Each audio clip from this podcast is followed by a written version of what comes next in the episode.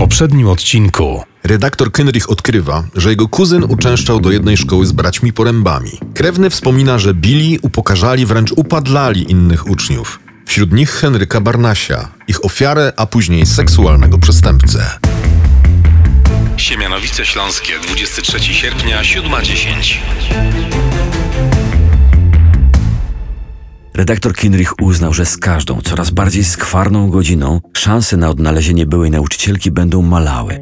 Dlatego pojawił się przed jej blokiem wcześnie rano. Wiedział, że tu mieszkała, że pracowała w szkole i znał bardzo istotny szczegół jej wyglądu.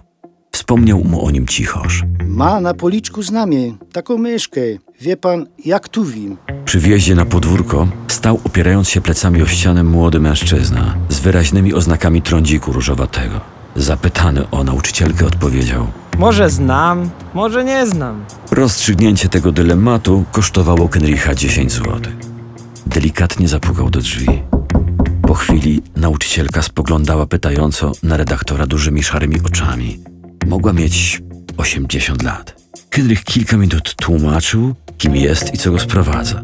Gdy wspomniał o Henryku Barnasiu, kobieta ożywiła się. Ma pan jakąś legitymację? Skąd mam wiedzieć, że pan jest z radia? Nie był to dokument pierwszej potrzeby, dlatego nerwowe poszukiwania w torbie reporterskiej trwały kilkadziesiąt sekund. Plastikowy prostokąt ze zdjęciem i nazwą stacji bardzo pomógł.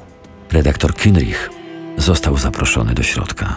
To straszna historia. Zniszczyli człowieka. Ale on też kogoś skrzywdził. Zdaje się, że został za to skazany. To nieprawda. On jej niczego nie zrobił. On tylko chciał mieć kogoś bliskiego. Pewnego dnia, wiosną 92 roku, dziewięcioletnia Natalia wracała ze szkoły. Na ulicy zaczepił ją chłopak, którego znała z widzenia. Powiedział jej, że tak jak ona nie ma rodzeństwa i zawsze chciał mieć siostrę. Zapytał, czy chciałaby mieć starszego brata. Skinęła głową. Naprzeciwko szkoły znajdował się pusty od kilku lat budynek po komendzie milicji. Barnaś wcześniej włamał się do niego i jedno z pomieszczeń prowizorycznie umeblował. Spędzili tam półtorej doby. Rodzina zaginionej dziewczynki szalała z rozpaczy.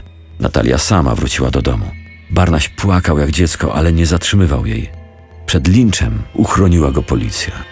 W opinii mieszkańców miasta był zboczeńcem, choć badania lekarskie i zeznania dziewczynki nie potwierdziły tego. Stał się taki dziwny, bo całe lata znęcali się nad nim. To oni powinni siedzieć w więzieniu. Zabrzmiały pierwsze akordy Smoke on the Water. Dzwonił zawalny.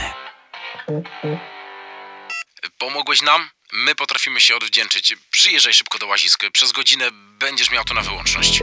Na terenie parku Żabka znaleziono nagiego, martwego mężczyznę z napisem Gańba. Tym razem na klatce piersiowej.